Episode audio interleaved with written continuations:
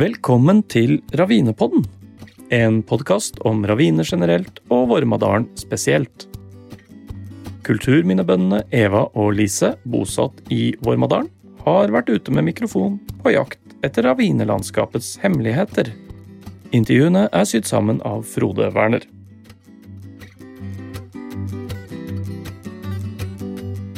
Vi bor i et landskap som er unikt i verdenssammenheng, godt gjemt og nesten glemt.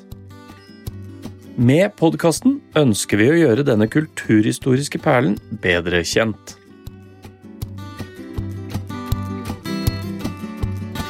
Vi veit at et initiativ kan munne ut i noe bra, noe fint. Initiativ fra grasrota redda et kulturminne. Denne episoden slutter med aktivisten og troen på at det nytter.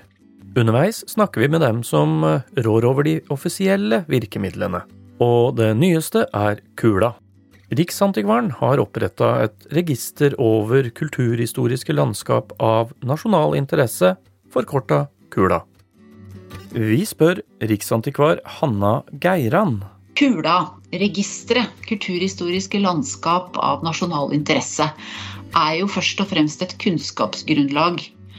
Da samarbeider vi med fylkeskommunen og kommuner og eh, har et stort opplegg for å, for å få informasjon og peke på kulturhistoriske landskap som da er av særlig eh, nasjonal interesse, som vi sier.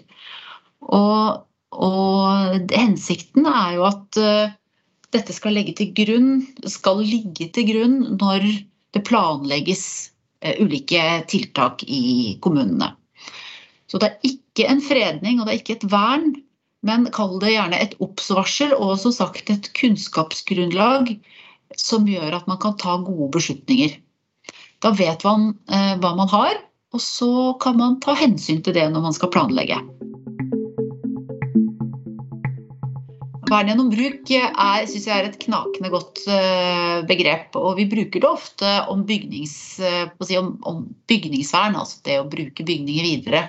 Men det er klart det å skjøtte landskapet, skjøtte kulturlandskapet, og gjøre det på en måte som f.eks. gjør at det ikke gror igjen, uh, eller at man tar tilstrekkelig hensyn til kulturdimensjonen eller kulturlandskapet når man planlegger nye tiltak det er viktig. Og det er også derfor vi har eh, dette arbeidet med Kula-registeret, nettopp for å peke ut de områdene som man må ha et eh, spesielt blikk på når man planlegger eh, ja, ulike tiltak. da som veier, jernbane og generell utbygging. Så det å ha kunnskapsgrunnlaget, det å ha oversikten og vite hva man har med å gjøre, det gir også et bedre grunnlag for å fatte de gode beslutningene. Kula-registeret for Akershus ble vedtatt høsten 2021. 16 landskap og kulturmiljøer i Akershus er med. Blant dem to i Nes, Vormadalen og Nestangen. Her forteller Hanna Geiran litt om begrunnelsen for hvorfor Vormadalen kom med kulturlandskapet som er i Vormadalen, der er det jo veldig mange godt bevarte gårdstun. Det er de røde enhetslovene og det er gamle stabburer som preger landskapet på begge sider av elva. Eh, så er det jo dette med kontrasten da mellom de små husmannsplassene i skogkanten og de store gårdstunene. Så det er et, eh, det er et rikt kulturlandskap. Og så har du kirken og middelalderkirkegården. Det er et veldig spesielt landskap som da i tillegg har denne spesielle landskapsvarianten, eh, ravinelandskapet, bevart. Som jo gir et helt spesielt preg. Fra Riksantikvaren skal vi nå til Kulturminnefondet. Kulturminnefondet med base på Røros er en statlig tilskuddsordning for private eiere av verneverdige kulturminner. Vi vil gjerne vite om også Kulturminnefondet er opptatt av de gamle kulturlandskapene. Er gamle landskap et kulturminne? Det skal Simen Bjørgen, direktør for Kulturminnefondet, få snakke litt om.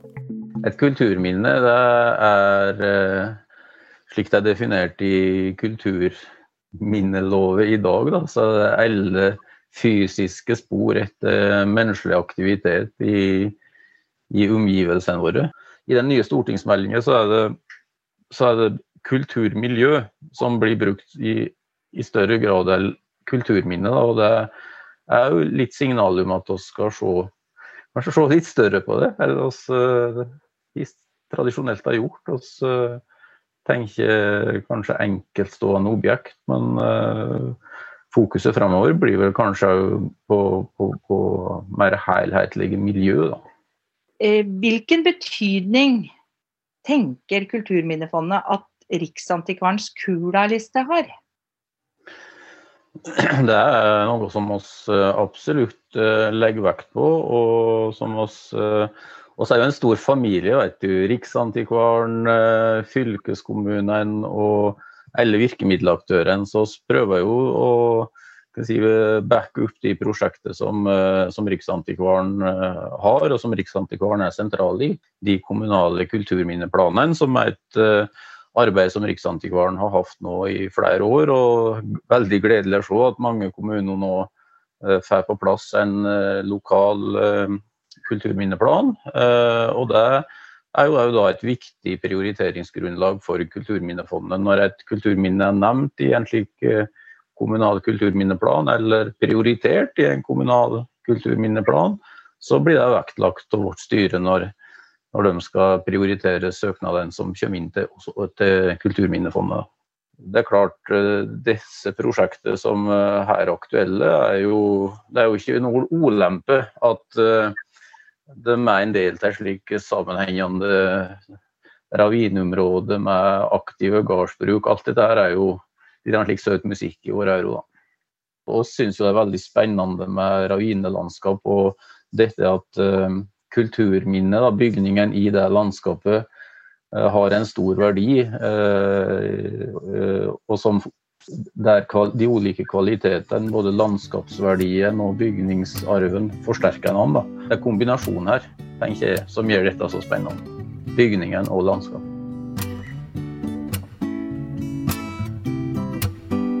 Nå skal vi over til Christian Hintze Holm, han er avdelingsdirektør for kulturarv i Viken fylkeskommune. Vi skal få høre han utdype om fylkeskommunenes rolle, hensikt og mål med kula. Dette registeret, som jo er Riksantikvarens register, det er jo utarbeida forslaget av fylkeskommunen.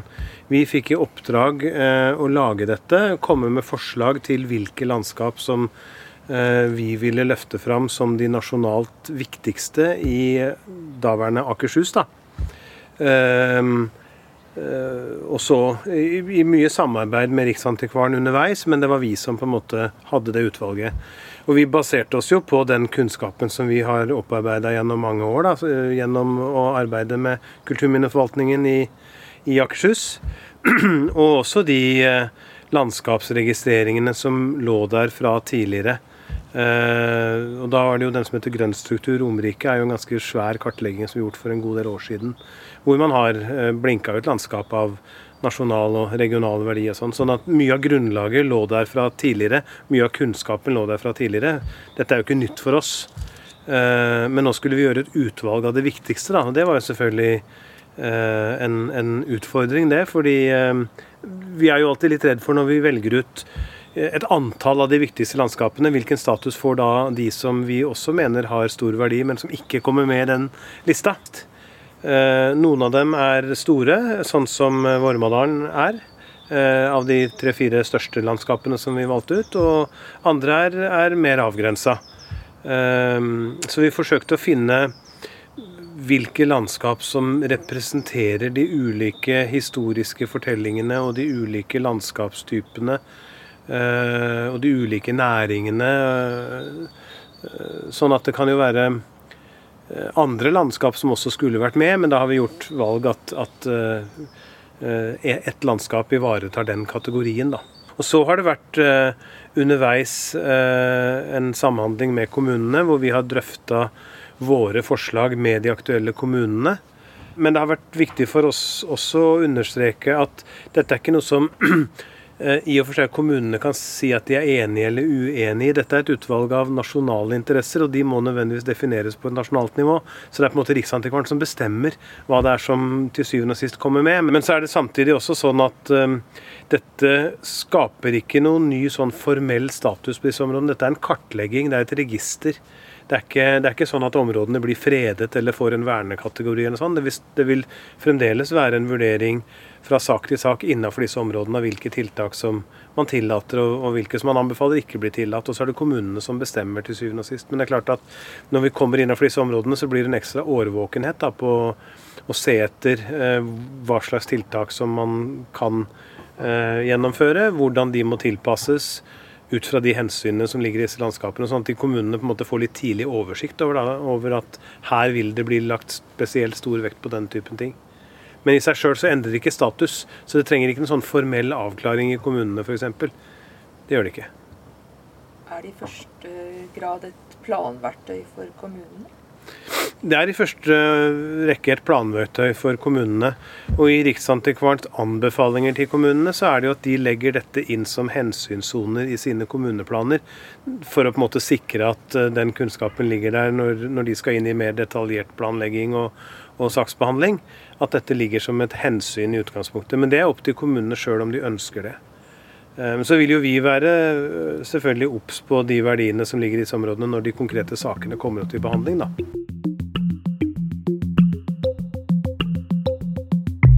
Men hvor avgjørende var egentlig elva og ravinene for at Vormadalen kom med blant de utvalgte områdene? Ja, Ravinelandskap er jo en, en, en ganske særpreget landskapstype som vi ser i For så vidt har vært ganske alminnelig, i, i hvert fall i romerikslandskapet i tidligere tider. Veldig mye er blitt borte gjennom all den bakkeplaneringen som har skjedd. Sånn sett så har jo mm, også viktige naturområder med mye biologisk mangfold og, og, og sånne verdier gått tapt. Så det å det å bevare det som er igjen av dette landskapet, har en stor verdi. Eh, både opplevelsesmessig og historiefortellingsmessig, og også naturmessig. Eh, det er jo eh, også andre landskap i Akershus som er valgt ut ut fra nettopp ravinelandskapet. Hvis vi går sør for Gardermoen, så finner vi ganske mye av dette fremdeles. Men også da i Vormadalen så, så vil det være en veksling mellom disse store bakkeplanerte områdene og raviner. Ja, En tilleggsdimensjon i dette landskapet er jo nettopp dette med Svanfoss og slusene, og at dette både har regulert eh, vannstand og, og, også gjort eh, båttrafikk eh, mulig fra, fra Vorma til Glomma.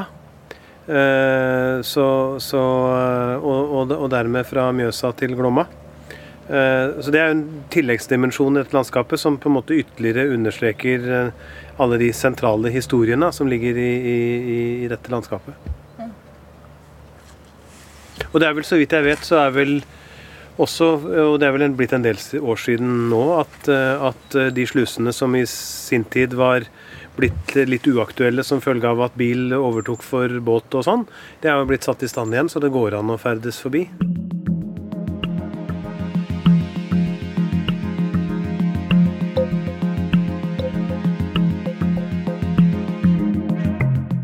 Hensikten med disse landskapene er ikke å styre de enkelte små eh, hensynene knyttet til enkeltbygg, eh, til, til eh, fredete bygninger, til, til, verneverdige tun, til den typen ting. Men det er å ta vare på de store overordna landskapene.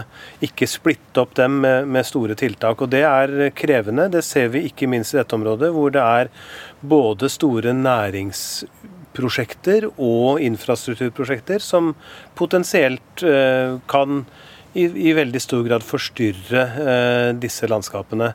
Eh, nettopp fordi at det er store, åpne landskap, så er de ganske sårbare for den typen inngrep. Men det er jo andre ting i samme område knyttet til, til, de eksisterende næringsområdene og utvidelse av dem, som, som, vil fort gå på tvers av disse, også disse overordnede landskapshensynene. Også om vi ser dem fra den flyhøyden som Riksantikvaren har snakket om. Eh, likeledes så kjenner vi jo til disse store infrastrukturprosjektene, altså E16, som eh, er foreslått eh, å gå gjennom eh, i en eller annen korridor gjennom dette romerikslandskapet. Um, hvor, hvor, hvor, de fleste av dem er veldig krevende uh, opp mot de hensynene som nettopp er kartlagt gjennom denne landskapskartleggingen. Uh, hadde nær sagt nesten uansett hvor man legger disse veiene. For å få de store sammenhengene her, så må vi trekke landskapet egentlig opp til der hvor skauen begynner. Eh, for også å få med den historiske sammenhengen mellom disse store gårdene og husmannsplassene. Det som finnes igjen, veldig mye er jo borte eller gjort om til boliger og, og forsvunnet og sånn, men, men, men, de stedene hvor man fremdeles kan lese den sammenhengen mellom eh, gårder og husmannsplasser, og kanskje til og med aktivisere disse husmannsplassene til å kunne tas i bruk til, til eh, opplevelse og sånn, da, da, da må man ha med dette store landskapet. Og det er jo nettopp kanskje særlig dette landskapet her, nesten mer enn noen av de andre vi har i Akershus, er jo nettopp den størrelsen, altså åpenheten, storskalaen. Eh, og da vil det være feil å, å, å avgrense det til landskapet langs elva, og, og, kun det. Da må vi ha med den størrelsen. Vi er jo spent på hvordan eh, dette verktøyet vil bli brukt framover. Om, om eh, kommunene først og fremst legger det til grunn for sin, eh, sin plansbehandling når de skal eh, styre utviklingen videre i disse landskapene. Eh, og hvilket gjennomslag det får opp mot store ofte kommuneovergripende tiltak, sånn som nye veier, jernbaner, den typen ting. Det vet vi ikke ennå, men, men, hensikten til Riksantikvaren, og vi håper jo også at det slår til, er jo nettopp å være tidlig ute med å si fra at dette er eh, betydelige verdier også i nasjonal sammenheng, og her må man ta ekstra store hensyn. I Nes har vi jo to landskapsområder definert som nasjonalt interessante. Christian Hinseholm var jo spent på hvordan kommunene vil bruke det verktøyet som kula er. Og kommunaldirektør Jon Sverre Bråten i Nes er rett mann for å svare på akkurat det. Virkemidlene vi har i kommunen i forhold til det, det er jo plan- og bygningslov og naturmangfoldsloven, for å være litt sånn formell byråkratisk på det. Eh, men det er klart at eh, hensynet til å ta vare på et, eh, et Kula-landskap viser jo på mange måter viktigheten av det unike med, med ravinene som vi har her i Nes. Og, og, for oss så vil det være viktig å, å fokusere på at uh, tap av biologisk mangfold er et problem egentlig i hele verden. Uh, og det er viktig at vi myndigheter også identifiserer og tar hensyn til det viktige naturmangfoldet i all planlegging av framtidig utvikling og all planlegging for å ta vare på det unike som vi har i forhold til uh, raviner i et Kula-landskap.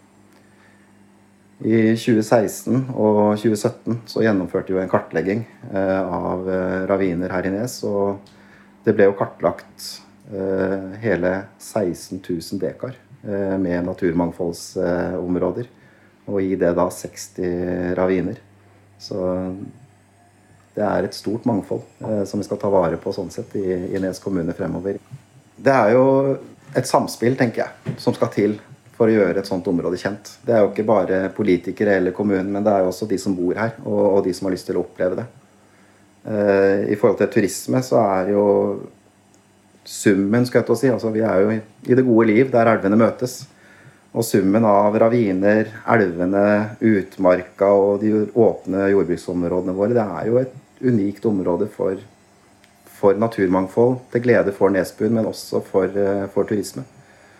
Jeg, jeg syns det er en veldig god illustrasjon. Hensynet til uh, turisme. Hensynet til å få opp uh, fine overnattingssteder for turisme. Og hensynet til å ivareta et kulturlandskap som det vi sitter i midten og, og ser utover. Så, så, det er jo nettopp det som er veldig viktig. Da. Og jeg tenker at som, som kommune så må vi da bruke de virkemidlene vi har, og, og, og, styre etter de prinsippene som ligger i både natur- og naturmangfoldsloven og plan- og bygningsloven, og, og se, på, se, på, dette her i en helhet. Både for da som sagt å ivareta bevaring av et viktig kulturlandskap, raviner, og også det å, å prøve å få til en god balanse med det, og mot en ønsket utvikling i, i det samme området.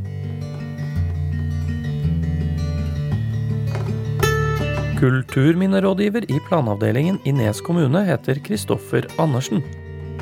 Han kjenner kulturmiljøene i bygda godt, og har nå fått et nytt redskap i arbeidet med å ivareta dem.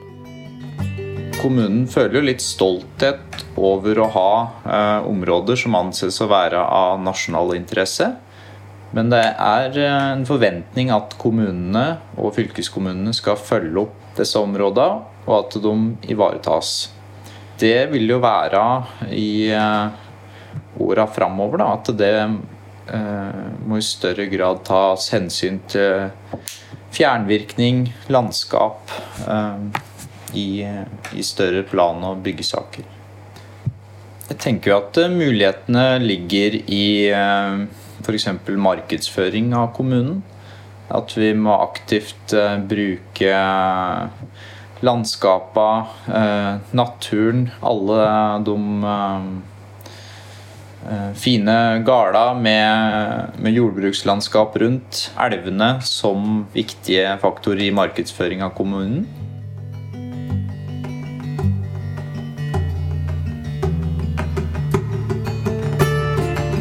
Nes kommune gjennomførte ei ravinekartlegging i 2016-2017. Eh, Ravinekartlegginga er jo brukt i eh, plan- og byggesaker f.eks.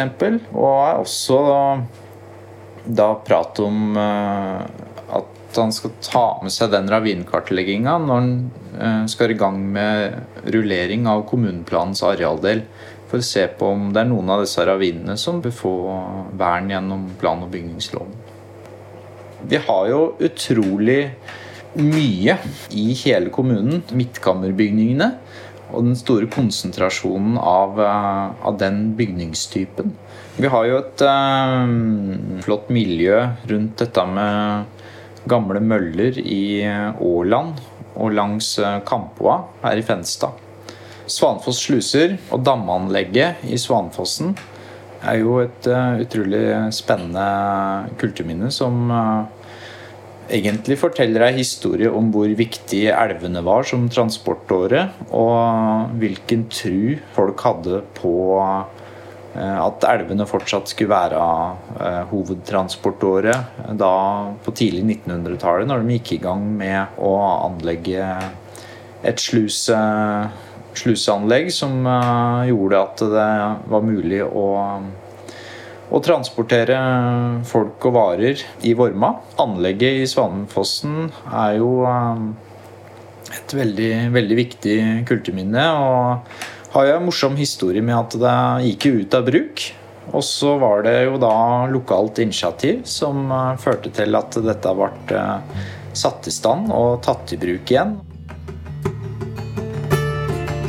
Arne Sundli, som vi har hørt fra i en tidligere episode, var aktivist og initiativtaker til reåpningen av Svanfoss sluse i 1993. Her får du høre hvordan det gikk til.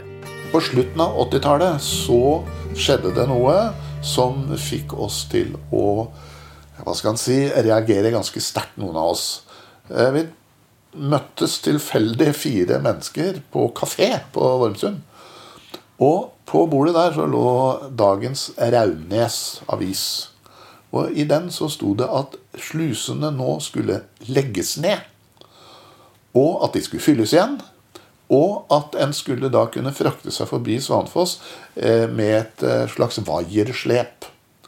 Og vi reagerte selvfølgelig, som de aller fleste i Nes, tror jeg, ganske momentant, og syntes det var helt ille at noen kunne finne på å gjøre noe sånt.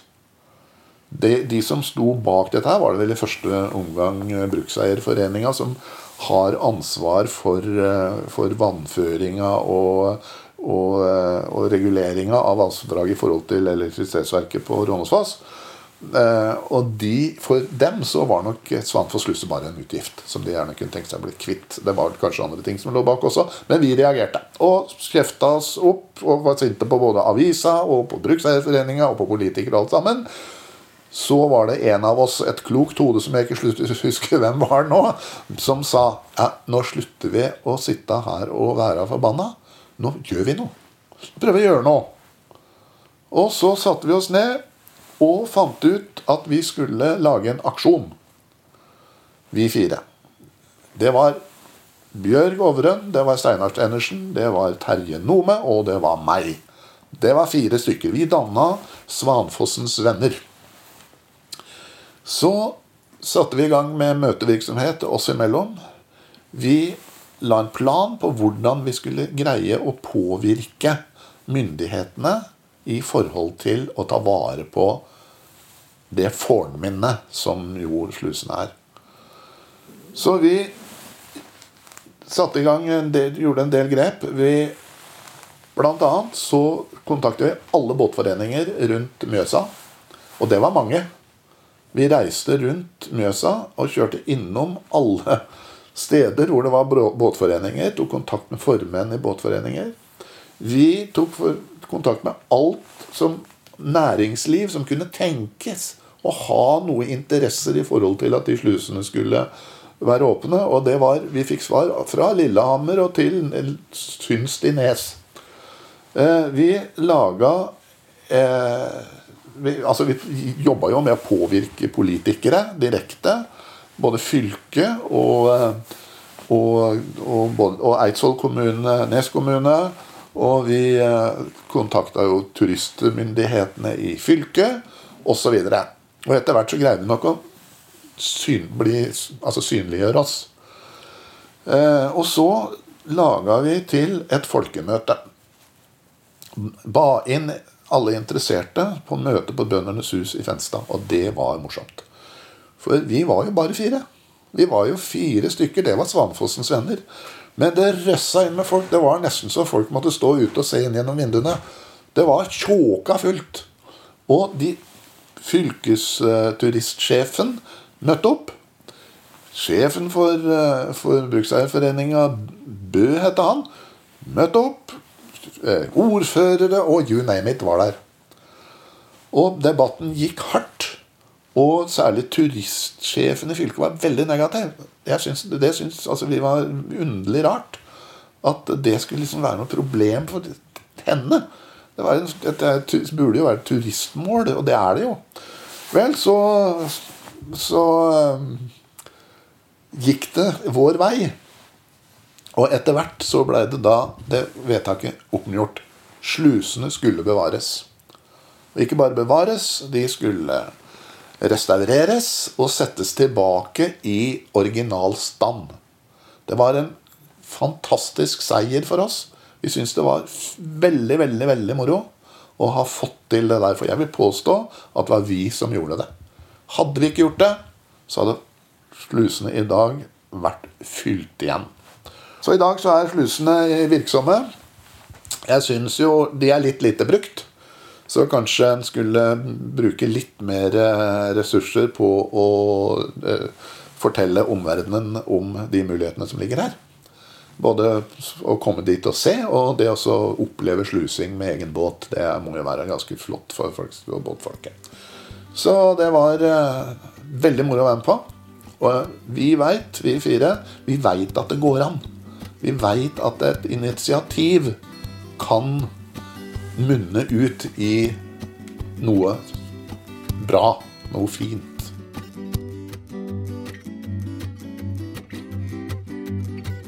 Dette var ei historie fra 1980-tallet. Den viser at vi alle kan påvirke framtida. I neste episode skal vi høre fra de som ønsker å bruke Kula-landskapet til ny virksomhet. Du har lytta til Ravinepodden, en podkast om raviner generelt og Vormadalen spesielt. Laget av Eva Nordby, kulturminnebonde med guidede ravinevandringer i Vormadalen. Lise Christensen, med gardsturisme på Prestenkesetet Huser. Og bygutten Frode Werner, som ser bygda med nye øyne. Musikk har vært ved Bernt Karsten Sannerud, Marius Lien og Marius Sjøli. Og gjerne lik og abonner på oss der du finner podkasten din.